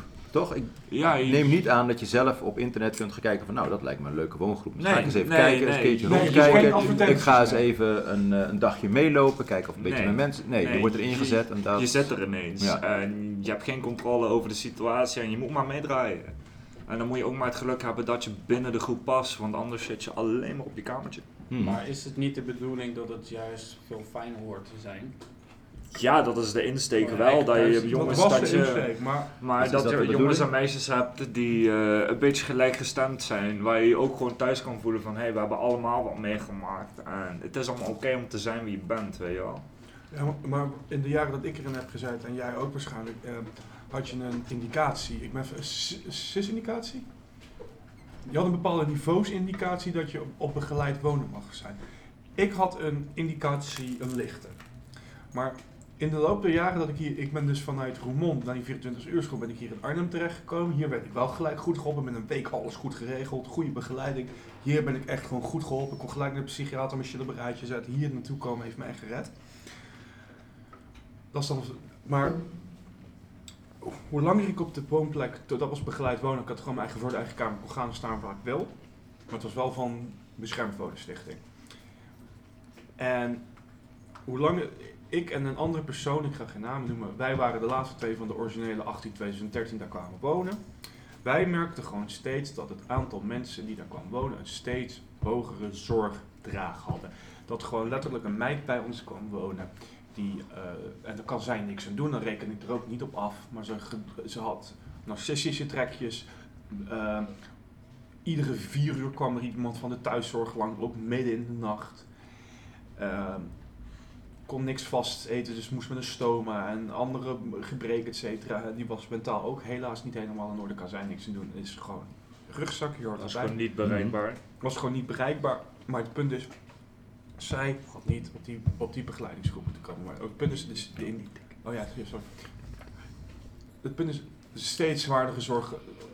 Je moet, je, je moet letterlijk bijna een arm verliezen en niet kunnen praten om nog ergens om een begeleid woongroep bijna te wonen. In Ja. sommige gevallen. Dat je een indicatie van niveau 5, 6, 7, 8 moet hebben. Dat je gewoon bijna 24-7 zorg nodig hebt. Maar is het ook niet zo in, in, een, in een woongroep, eh, een, een ja, woongroep, leefgroep, wat dan ook. eh, wanneer iedereen dezelfde, eh, hoe zeg je dat, hetzelfde level van zelfstandigheid heeft, Mhm. Ik denk dat mensen moeten juist van elkaar leren. Dus ik kan me voorstellen dat er op een gegeven moment iemand bij komt die wat lager zit, maar wordt meegenomen door de rest van de groep. Dat was de eerste instelling, ja. Maar Dat- als dat- te veel mensen komen die nog een, een te laag niveau hebben, die nog in fase 1 zitten, terwijl nog niemand in fase 2, 3, 4 en kan vertellen van zo werkt fase 1, hè, dat, eh, waar jij het over had, over het opgroeien, dat je dan een soort van mis eh, scheefgroei krijgt in een groep. Je krijgt, eh, bij ons was het in het begin wat jij beschrijft, inderdaad, het was gewoon iedereen is op een bepaald niveau. Want we hadden eh, verderop in Arnhem-Zuid hadden we een specifiek echt zware Mhm. autistische groep. In de flat naast ons woonden echt mensen met een hele zware beperking. Die werden echt gespecialiseerd begeleid. Wij waren een beetje de middengrond van mensen die zelfstandig waren, maar nog wel een beetje een rugzak hier en daar. Ja. In het begin superleuke mensen, iedereen leerde van elkaar. Maar ik heb er zo lang gezeten en mijn oude buurman ook, omdat de woningmarkt gewoon dicht zat. Ik heb gewoon echt jaren naar een huis moeten kijken voordat ik een, een, een huurwoning kon vinden. Maar wij merkten gewoon echt dat het niveau gewoon echt. En mensen met Maar wordt dan een soort van afvoerputje? een soort een Dus afvoerputje. mensen die geen woning kunnen krijgen omdat ze bepaalde begeleiding, of met eh, ondersteuning nodig hebben. of, met, of, of, of letterlijk, er kwam iemand Hmm. letterlijk wonen die zo zwaar schizofrenie was dat hij eh bakstenen door de muren ging gooien. Maar kunnen bedrijven, ja, ik noem het even een bedrijf, eh, kunnen ze dan mensen weigeren? Dus ze kunnen zeggen, ja sorry, maar jij past niet Het ligt om, om de, nee. de woonvrede. Nee, ja, en, Nee. ja en nee. Het punt is ook, die mensen worden ook binnengehaald omdat hun als bedrijf ook een groter potje krijgen voor zwaardere mensenplaatsen. Dat gebeurt ook. Ja. En dat was ook een van de voornamelijkste redenen dat mijn buurvrouw dus binnen werd gehaald. Want die zo'n zware zorgpakket Mhm. had. Nou, dat was geld weer het laadje voor, de, voor, de, voor, eh, voor het woonbedrijf. eh Ja. die daar, sorry. Ja, voor eh, in mijn ervaringen moet ik daar meer in zeggen van ehm, soort zoekt soort. En vooral in het stukje van verschillende soorten mensen en verschillende stages van opgroeien. Is eh, uiteindelijk boeit het nou niet of jij in, laten we zeggen, fase 1 of in fase 20 zit. Het is, eh, als je dezelfde insteek met elkaar hebt, ga je trek je naar elkaar toe. Dus wat je snel ziet is dat jongens ook in de eerste fase, of meisjes in de eerste fase, gewoon omgaan met jongens uit de vijfde of uit de zesde fase. En dat heeft er meer mee te maken, is omdat hun gewoon goed klikken met elkaar. Maar wat je dan ook wel krijgt, is dat je groepvorming krijgt.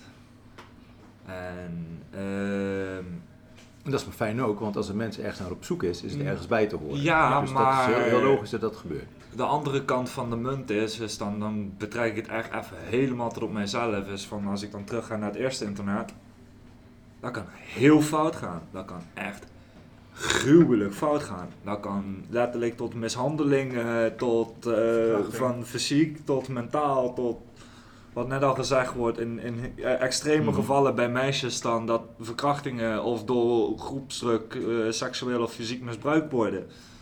Dat, dat, kan, dat kan echt twee hele uiterste kanten kan het opgaan. Ja. Gelukkig heb ik dat zelf nooit meegemaakt, maar ik heb wel verhalen gehoord van andere woongroepen en wooninternaten. Eh, ik heb als kleine jongen op, een, eh, op, op de Weddonk in Heibloem gezeten. Dat was het. Ja, jij, jij weet al Ja, precies wat ik bedoel. precies waar je- Ik heb nooit op die internaten gezeten, maar ik heb daar wel, eh, omdat ze in Limburg geen gespecialiseerde autisme bladibla hadden en ze konden me nergens anders plaatsen. Dat was niks gespecialiseerd in Limburg. Nee, dat was daar werd ik gewoon naartoe- algemene zorg. Dat- Iedereen daar werd ik gewoon- geflikkerd. Precies, daar werd ik gewoon heen geflikkerd en het standaard schooladvies was Ortolaan en dat noemden wij Schoffelacademie. Dat was Ja. onder MBO 1 niveau. Er eh, is niks mis met schoffelen trouwens. Ja, dat is ook goed werk. Nee, nee, nee, maar het, het, het, het, Keilang geschoffeld. Nee, Ja, maar ook. Het, punt is dat zelfs mensen met een. eh, Iedereen die ook maar ook een beetje op school presteerde, ook al deed je goed je best.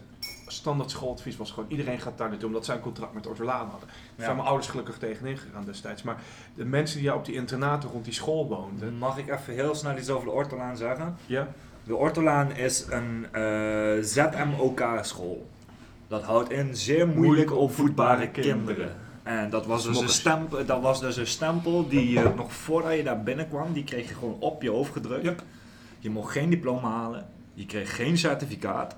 Dus dan moet je je voorstellen dat je op de middelbare school zit. Dat je zes jaar van je leven door een middelbare schoolleven heen moet. En het goede en het slechte allebei erop en eraan. En uiteindelijk loop je met niks weg en mag je nog een keer vier jaar naar school toe om überhaupt iets van MBO of kader of HAVO of eh, whatever te halen. Mhm. Niet eens vervolgonderwijs. Nee. Het is letterlijk, je doet hetzelfde onderwijs nog een keer opnieuw.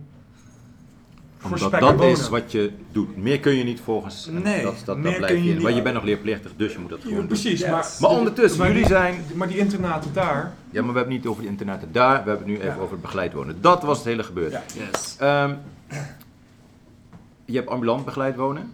Dus je woont zelfstandig in je eigen gevonden woonruimte. En er Ja. komt eens in zoveel tijd een begeleider binnen. En Yes. die kan je helpen met financiën, Ja. met eh, werk. Ik heb geen idee waar. eh, Nou, wie- ik, wie? eh, ik, ehm, ik, ik weet niet of Fleur ook meeluistert. Hoi Fleur.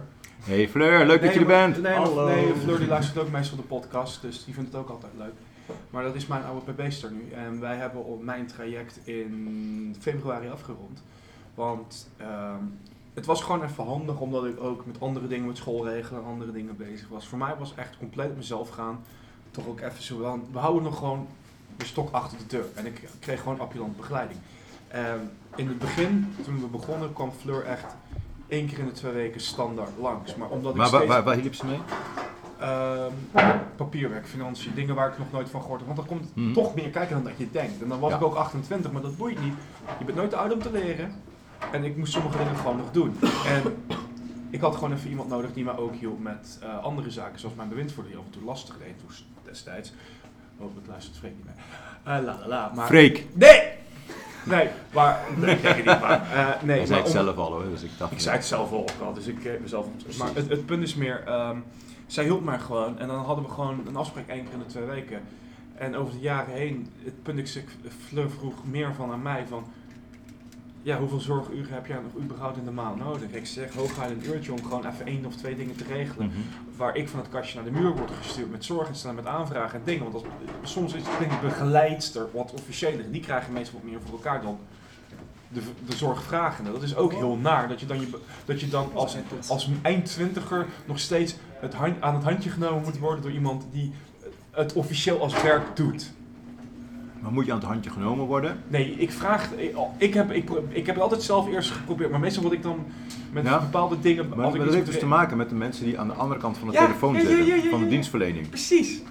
Sorry, nee, dat was ik met mijn lange voet. Nee, maar het punt is, eh, wij eh, echt gewoon de- het laatste drie kwart jaar, dus eh, vanaf vorig jaar zomer Mhm. tot nu, ik zag er hooguit één keer in de... In de wat, Iemand van de vier- gemeente luistert nu mee. Maakt niet uit op, vier, op vijf welke weken. rol.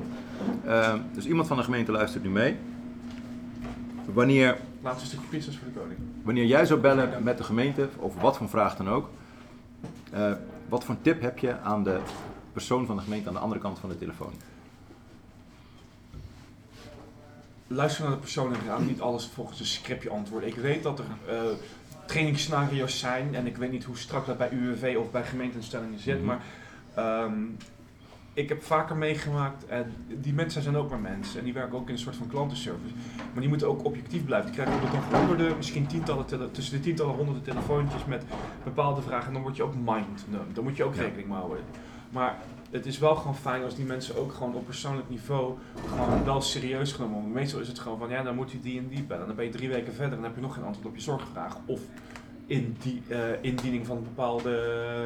Het is te moeilijk allemaal. Het is, het, is, het is romslomp af en toe. Het is juridische romslomp. Het is ook aan één stuk, of aan één kant best wel lastig, want uiteindelijk aan de telefoon kun je iemands gezicht niet lezen. Dat. Mhm.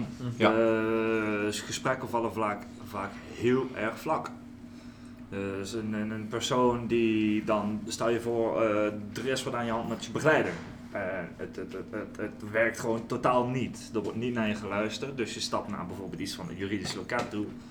Je legt daar je vraag op tafel neer via de telefoon, maar zij kunnen dan niet vanuit jouw woorden een situatie goed opmaken. Daar hebben ze Hmm. alle verhalen voor nodig. Yep. En daar gaat vaak gaat daar veel tijd overheen. En tegen de tijd dat daar dan iets aan gebeurt, is het Te laat. of te laat.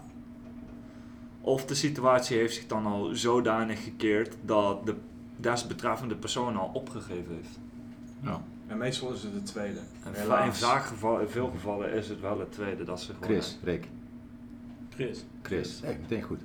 Maar toch twijfel. Maar goed. Ehm, wat is jouw si- woonsituatie? Ja, ik woon samen met mijn vriendin in Arnhem, kamers. Eh, ik ben, daarvoor ben ik bij mijn vader, eh, bij mijn vader gewoond. Eh, ja, ik ging daar eigenlijk weg mede. De hoofdreden was omdat mijn vriendin naar Arnhem toe ging verhuizen. Ik miste haar gewoon heel erg. Maar ik had het ook niet echt heel erg lekker daar zo in mijn woonsituatie ook. Iemand is met heel veel moeite een deur dicht aan het houden. Zet, zet gewoon die deur open. Maar, Eh, ben jij in jouw, jouw eh, zoektocht naar zelfstandigheid, want goed, je woont samen met je vriendin, dus ik neem aan dat je redelijk zelfstandig bent. Aanname. Ik neem heel veel dingen aan, maar zeg ik er ook bij, is een aanname. Ben je zelfstandig? Half half. Ik heb eh, mijn moeder, die, eh, ja, mijn ouders zijn gescheiden en mijn moeder die werkt heel veel en die is wel getrouwd met een geweldige man. Maar die ondersteunen mij ook heel erg maar te berichten en eh, Oké. Maar vraag hoe oud je bent nu? ik ben nu 20. Oké. Maar denk je dat je nu, als stel je voor, eh, je moeder, eh, haar man, je vriendin, je, je vader, die vallen allemaal weg. Blijf jij dan overeind staan? Met moeite, maar ik moeite. denk wel dat het gaat lukken. Ja. Maar ik denk van een hele hoop jongeren. Eh, denk dat is toch wel echt, uh, schippigheid dan wel erg in veel, veel gevallen dat ze eh, uiteindelijk ergens met een rubberbandje op de zee dobberen. nou, nou, nou, je maakt het wel heel spannend jij. Of gewoon, of gewoon Nee, ze dobberen, ze, dobberen nog. Ze dobberen Mhm. nog. Mag ik dan wel Maar is, is het sowieso schande om, eh, Nee. om hulp te vragen? Nee, dat is juist heel belangrijk, want als mens kun je niet alles zelf doen. Wat hij doet is heel goed, hij maakt gebruik van zijn sociale achterban. Ja. En heel veel jongeren in zo'n situatie hebben dat niet. Nou, of ze Maar- beseffen dat ze het niet hebben. Nee, maar heel veel hebben niet op de juiste manier eh, het, het juiste ding aan te raken, of de, de juiste vraag te stellen. Het, het, wat ik daarop te zeggen heb is, op het moment dat jij weet wat jij nodig hebt, en op het moment dat jij dat durft uit te spreken, ben ik zo ongelooflijk trots op je. Ja. Mhm. Want er zijn zoveel mensen die dat gewoon niet durven of niet kunnen, of gewoon Of gewoon welke, welke, wat de reden ook is, dat ze die stap toch niet durven te maken. Maar wat had jij nodig toen jij eh 16 was? Schop onder de reet. Hetzelfde. Vraag je daarom? Had je Nu daarom- wel. Ja, nu wel. Maar goed, nu ben je een stuk ouder en wijzer. Maar denk je dat er eh, kids zijn van 16, 17, 18, 19 die vragen van... Hé, hey, geef me alsjeblieft een schop onder mijn kont. Nee, er natuurlijk niet. niet. Nee. Zeker niet. Nee. Nee. Nee, maar weet je, in de, er zijn altijd. Mensen twijfelen altijd wel tot enigszins aan zichzelf. Ook in de capaciteit waarin dat zij kunnen functioneren. Of dat nou is binnen internaatsleven, buiten internaatsleven, of je nou thuis woont, of eh, volledig zelfstandig, of wherever. Het is, eh, er is altijd wel iets wat je niet lukt of niet kunt. En eh, bewustwording is de eerste stap. En hulp vragen is vaak heel veel stappen daarna. Ja. En Als je, eerst, je moet dat... eerst beseffen dat je ergens mee zit voordat je hulp kunt vragen. Denk ik. Ja. En daarnaast is ook van... Heb je een netwerk waarin dat je dat kan doen? Want je zet jezelf heel kwetsbaar neer op het moment dat je om een hulpvraag stelt. Want Mhm. je laat je gewoon letterlijk je wonden zien. En wat iemand, wat iemand anders daarmee doet, jij bent daar verantwoordelijk voor. Ja, en dat is dan ook een van de redenen dat jongeren die al vanaf kinds af aan in zo'n circuit zitten, en met die groepsvormen en andere dingen, die hebben gewoon letterlijk geleerd om gewoon zich nooit kwetsbaar op te stellen. Want in heel veel van dat soort gevallen worden ze gewoon letterlijk als, letterlijk als eh, bloedend het water. En die andere kids die vallen ze erop aan. Want kinderen kunnen heel gemeen zijn tegen elkaar hoor. Oh ja, sowieso. Dus dan laten maar, maar goed, dan- aan de andere kant denk ik van... eh, Robin heeft op een gegeven moment wel, bam, iemand gevonden en die die knop kunnen omzetten. Ik ook gelukkig. Dus het kan dus wel. Ja, het kan Dus het niet kan alle zeker. kinderen zijn kut en niet alle kinderen Nee. zijn... eh, In veel gevallen is het ook Verloren. uiteindelijk- Het is de verantwoordelijkheid van het kind, maar niet de schuld. Nee. Dus het is uiteindelijk. eh, jij laat mensen binnen in je metaforische huis. Als andere mensen daar rotzooi in lopen te trappen, jij moet het opruimen. Hun Mhm. lopen op een gegeven moment aan het einde van de dag de deur uit. Tabé, en dan gaan we Jij terug in eigen huisje in. ja. En jij mag de rotzooi gaan opruimen. Of dat, nou een, eh, of dat nou alleen een vies bordje is of een heel huis vol met puinzooi. Of iemand heeft op je bed gepoept en als je die referentie snapt, haha. Jij bent verantwoordelijk. En dat is ook vaak wat het lastig maakt is, want ja, je staat er dan echt alleen voor en mensen lopen dan, kunnen gewoon dan doen wat ze willen en doen wat zij denken dat goed is. Maar jij bent degene die de consequenties ervaart. ik, ik heb er altijd een, een, een men- mentale oefening voor gehad. Want die situatie die jij beschrijft, mensen lopen door je hele huis. Het punt is, en dat is een mentale oefening die ik van iemand anders heb geleerd, is je kan het in zoveel mogelijk lagen doen. Maar wat je kunt doen is je kan rond je diepste binnen zelf kun je drie muren neerzetten. Mensen die gewoon dagelijks leven Dat is het ui- ui-model. uitmodel. Ja. Dus je laat, je laat dat soort typjes, wat hij zegt, Mhm. laat je alleen maar aan de buitenste laag binnen. Dus dan ben je nog wel sociaal interactief, maar die hoeven niet naar de binnenste kern te komen. Mhm. En begeleiding, als je die vertrouwt, kunnen naar de kern.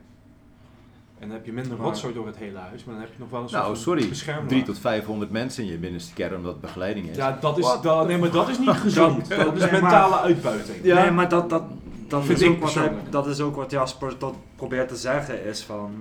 eh, je hebt zoveel gezichten in je leven. Je hebt zoveel mensen waar je verantwoordelijkheid tegenover moet afdragen. Je hebt zoveel mensen waarin dat jij moet laten zien dat jij het waard bent. En niet andersom. Ook al kies jij niet voor de situatie waarin je zit. Het, het, het, het, het, het heeft echt een behoorlijke impact op je... Niet alleen je mentale zijn, maar ook in je sociale Mm. zijn. Want- Nou, laatst kreeg ik de opmerking van iemand eh, en die zei van ja, je mag me niet.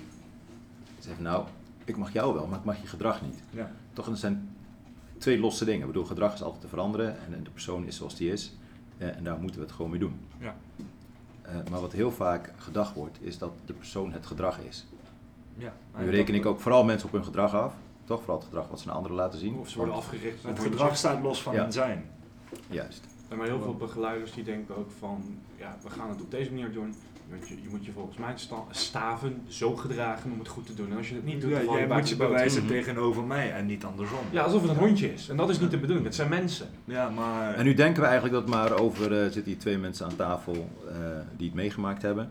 Dat er niet zoveel zijn, maar ik heb net Lars, een van mijn stagiaires, laten zoeken naar wat cijfertjes. Echt jongen, je ligt niet dubbel. Jongeren die begeleid wonen. In 2015 waren er 360.000. Ik weet niet hoeveel mensen er in Arnhem wonen. Er wonen 160.000 mensen in Arnhem. Kijk, nou, Duizenden dat was maar alleen. 200 2018 waren het al 417.000. In 2020 waren het 429.000. Dat is toch gewoon, dat zijn cijfers, daar word je gewoon helemaal kriegel van. Ja, En dan vraag ik me af in hoeverre is het eh, begeleid wonen misschien ook wel een, een verdienmodel geworden? dat is, laat ik het zo zeggen, dat is het echt al jaren. Mensen Ja, zolang, als er, Mhm. zolang als er ergens geld mee verdiend kan worden, maken mensen daar misbruik van. Ja. Of dat nou, in, of dat nou opzettelijk gebeurt, of dat er nou onbewust gebeurt, of het stemmetje in het hoofd waar eh, de Power Hungry eh cash cows. eh, eh, het gebeurt toch wel, want uiteindelijk wordt een. Als je eenmaal een aantal jongeren onder je hebt zitten en je hebt een vaste doorstroom van cliënten en je hebt een vaste groep medewerkers en alles erop en eraan, daar moet op een gegeven moment wel bijna een verdienmodel komen, want anders kun je je huizen niet betalen. Kun je het eten van de jongeren en kids niet betalen. Kun je de begeleiders niet betalen. Kun je je, eh, god hoe heet dat nou? Ehm, Maar dat is nog niet, niet direct een verdienmodel. Dus Nee, zit maar wel de- een, een marktwerk. de- de- Er moet geld, uiteindelijk er moet geld verdiend worden. Want anders kan het niet bestaan. Nee. Nee, maar Als het, niet lucra- als het niet lucratief is, doen mensen het niet. Dat heeft zich, eh, door, de, door de eeuwen heen heeft het Ja. zich laten blijken. Van als, ze niet, als mensen er niet op vooruit gaan, laten mensen dingen heel snel vallen. Mhm. En ja, dat, dat heeft toch wel tot... Eh, Maar het is gewoon het gevoel van een, een, een eigenwaarde creëren. eh, zowel bij de, de jongeren als bij eh, degene die de jongeren begeleidt, eh, verzorgt, ondersteunt. het, En natuurlijk iedereen moet eten. ja, Helemaal mee eens, maar volgens mij kan het ook wel.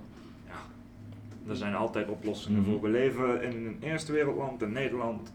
Ook al heb je geen rode cent, dan nog zijn er de plekken waar je naartoe kan gaan. Toch elke dag iets van een bordje eten. Maar zelfs die plekken worden steeds duurder en minder. En die hebben ook meer hulp nodig tegenwoordig. Omdat Ja. er zo'n overstroom aan mensen is die Ja. hulp nodig hebben. Maar de het, het, het, het feit dat er een, steeds meer mensen bijkomen, blijkt dus dat het toch wel ergens fout gaat. Ja. Wat zou je een begeleider willen meegeven die zegt, of een, een jongere die nu eh, de opleiding eh, volgt, eh nou, dat, social work, weet ik veel wat. Als ik uit eigen ervaring moest spreken, en dan spreek ik vanuit het jongerenwerk wat ik zelf gedaan heb. is hou je werk ten alle tijden passend. En ja, er zijn regels. Ja, er zijn maatstaven waarmee je moet werken. Maar je kunt ze altijd personaliseren.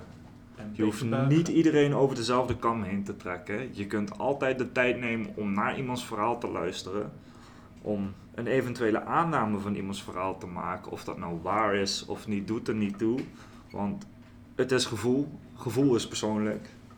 En wat voor jou heel veel pijn kan doen, kan voor mij helemaal niks interesseren. Dus neem de tijd. Eh, doe gewoon rustig aan met de mensen waarmee je werkt. Of het nou jongens en meisjes zijn van 7 of 8 jaar, of dat het nou in een bejaardentehuis is met mensen van 80, 90 die sinaal zijn of wat dan ook. Je werkt uiteindelijk met mensen. En iedereen is verschillend. Iedereen heeft zijn eigen tijd nodig. Ik niet. Ja, jij ook. en eh, in het werkveld waar je je dadelijk in gaat stappen is. Het zijn allemaal mensen met een achtergrondje. Het zijn allemaal mensen met heel veel pijnpunten. Vaak met vertrouwingsproblemen door de dingen die ze hebben meegemaakt en hebben gezien. En eh, Nou, en ben je misschien ook bewust van je eigen pijnpuntjes en van je eigen achtergronden? Want als, je- als je Ja. jezelf kent, en jezelf Ja. kennen is, is de ander kennen. Volgens mij is dat een. eh, als je jezelf niet kan helpen, kun je een ander niet helpen. Dat is waar ik altijd geleerd heb. Precies. Wil jij nog iets meegeven aan een beginnend beroepsbeoefenaar? Hetzelfde wat Robin zei. En wat ook heel erg belangrijk is, dat heb ik ook in de praktijk en in de ervaring vaak gezien, is. Maar dat ik dat Robin ook, neem de andere persoon wel serieus als hij iets vertelt. Als die persoon echt iets met je deelt, dan gaat hij ervan uit dat je het ook serieus neemt. En het, wat ook heel erg belangrijk is, als persoonlijke begeleiding of werking in jongerenwerk of met ouderen, maakt niet uit. Als zorggevende en dragende naar die persoon toe, bewaak ook je eigen grenzen. Want het is, dat gebeurt ook heel vaak, is dat heel veel pp'ers. Ik heb gewoon een, in de jaren heen gewoon zoveel pp'ers die na een half jaar gewoon een burn-out hadden en gewoon Ja. maanden niet meer terugkwamen. Omdat ze gewoon overwerkt en ook dingen zijn. En omdat ze zo goed hun best deden om de mensen te helpen. En het wordt dan afgestraft door meer cliënten op hun schoot gegooid te krijgen. Omdat ze al, dat wil niet zeggen dat Mhm. de cliënt schuld is, echt niet. Maar dus de, de, de opdrachtgever daarboven de schuld. Want dat is natuurlijk wel zo. Als je kijkt naar eh, maar wat, wat, je zou, wat zouden de gemiddelde, eh, als je kijkt naar het sociale netwerk van iemand, van een normaal persoon, ik maak aanhalingstekens met mijn eh, handen. Eh, de- wat is de vriendenkring van een individu? Hoeveel beste vrienden zitten daarin? Eén. Als het Ja. erg goed zou zijn, echte vrienden kun je maar op één hand tellen. Echte vrienden kun je maar op één hand tellen. Maar van een eh, begeleider, van een jongerenwerker, die moet die vriendschap aangaan met misschien wel... nou, 40, 50. hoeveel vrijwilligers zitten er in Willem 1 bijvoorbeeld? Eh, al- al- als ik het even, als ik het even van een 25 aanwezige vrijwilligers Nee, nee, minimaal nee, die nee, maar wekelijks mensen. Maar dat- dat betekent, je even- moet maar overal- Even serieus, even serieus. Ja, maar ik, ik ben ook serieus. Want dat betekent dat je vanuit je werk moet je eh, een persoonlijke band met iedereen aangaan. Eh, en ik snap dat dat gewoon waanzinnig veel werk is. Ik, Ja. doe, het- ik doe het ook al een tijdje. Ga maar van. Eh, ga- maar het is wel leuk om te doen. ja. Maar toch, het is Het is passiewerk. Het is, is het is iets zeker, waar je zeker Je moet, passiewerk. je moet echt, als je, als je het niet wil, dan moet je het ook niet doen. Want ik ken ook zat mensen die, die, maar doen kijk, het ik gewoon die doen, eh, die doen echt gewoon het minimalistische en die schrijven een rapportage en die zeggen, ja, cliënt stelt zich niet goed op volgens regels, bla bla bla bla bla. En die maken er echt een, gewoon een volle werk van. Negen, nog erger dan een 9 tot 5 mentaliteit. Precies. Ik heb natuurlijk de mooiste baan die er is. Hè. Ik bedoel, ik zit allemaal aan jullie vrije tijdsbesteding.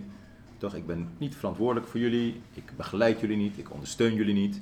Nou, Eh, Maar je kan, je kan wel dingen van ons aannemen en eventuele tips geven. ja, precies. Maar dat, dat, dat, dat, dat, fijn om te horen. Eh, Soms.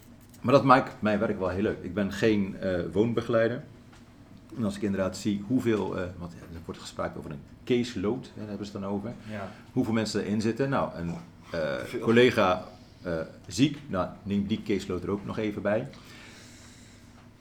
Da, dat is niet te doen, want met iedereen moet je gewoon zorgen eh, dat je weet wat er leeft. En je moet iedereen snappen en je moet het gevoelsleven van iedereen begrijpen. Nee, maar dat, als je als leraar voor de klas al, mhm. eh, vroeger was het gemiddeld wat, 25 kinderen in de klas. Als je nu als Oh, nee, basisschoolleraar, nee, maar nu is het echt gewoon, je zit bijna op de 40. Ja, 40, 50. Dus als je als een, het gaat er maar vanuit dat een casefloating ongeveer waarschijnlijk dezelfde cijfers, 40, Ja, ja, 50 misschien is of zo. ja, ja. Zelfs wel meer denk ik in sommige. Mhm. Eh, Als je dan nog een case van een andere persoon op je dak krijgt, holy hell, dan heb je met 120 man eh, waar je voor verantwoordelijk bent. Dat is niet normaal. is gewoon zwaar werk. Is het ook? Maar het is hartstikke leuk werk. Bam. Ja, het, het is... Het Ja, maar is, het, je moet het zo zien, echt. Brandweerman, dat is zwaar werk. Oh, dat is ook zwaar werk. Nee, maar het, het, het is mentaal. Het, het is mentaal hard werken. Maar het punt is iets wat echt de moeite waard is, is niet makkelijk Nee. te doen. Ehm, Dingen die echt de waarde hebben, die echt Ja, de moeite waard zijn. ja, maar ik, ik hoor je, ik hoor het je bij me Ja, schreeuwen. nee, nee, nee, dat, dat weet ik niet. Sommige mensen die kunnen Sommige dingen, sommige mensen die kunnen dingen heel goed omdat ze bepaalde karaktereigenschappen hebben. eh, ja, bepaalde kwaliteiten hebben. en dan maakt dingen is makkelijker. eh, maar zo, echt, als je iets wil bereiken voor mensen, dan moet je er echt moeite in steken. Dat is wat ik bedoel. Wat je wil bereiken, dat vind ik een goeie. Dat wordt het eh, topic, eh, het onderwerp voor de volgende podcast. Chris, leuk dat je bent. Volgende keer 10 mei ben je erbij. Oh, want we hebben nu meivakantie de De volgende week. meivakantie hebben we volgende week. eh 10 mei ben je erbij. Kei leuk. Eh, 10 dan, dan, dan gaan we het hebben heb- over het, het najagen van dromen. Oh, yes. let's Ik pak mijn droompistool al. Yeehaw! Precies. Ik, Ik weet niet of je ben, zin hebt, eh, maar je bent bij deze Mag ik dan op mijn nachtmerrie binnenkomen rijden? Nee, nee, alleen op je daghengst. Ja, 10 mei, moet ik even kijken. We hebben ook schoolfeest en zo. Daar hebben we vorige week opbouwing van gedaan. Oké, ja, nee, nee, dan... Iedereen bedankt voor het altijd, luisteren eh, naar deze aflevering. Werk en school gaat altijd Ja, maar voor. ik weet niet Willem precies of het 10 mei was of 11 mei. Dus dan moet ik even kijken. 10 mei is Maar volgens mij is het. ook gewoon later in de dag, rond een uur of vier of zo. Laat ik het zo zeggen, het is allemaal vrijblijvend. Als je wat aansluit, sluit je lekker aan. Als je niet wil aansluiten, nou, Oh, dat- En anders eh, sluit je de week ik, ik, daarna aan, oh, ik, ik verspreek mij. Ja, ik verspreek mij. 10 mei gaat het helemaal niet over je dromen najagen. De, ik had vastgesteld dat het over verhalen vertellen ging. Oh ja, jullie hadden, jullie hadden wat verhalen verzameld. Ook eh, Ja. Julia had verhaal verzameld, toch? Julia die gaat een verhaal schrijven. Eh, je mag een mooi verhaal wat je zelf geschreven hebt, mag je vertellen. Je mag vertellen over een verhaal wat je gelezen hebt. Je mag een verhaal voorlezen.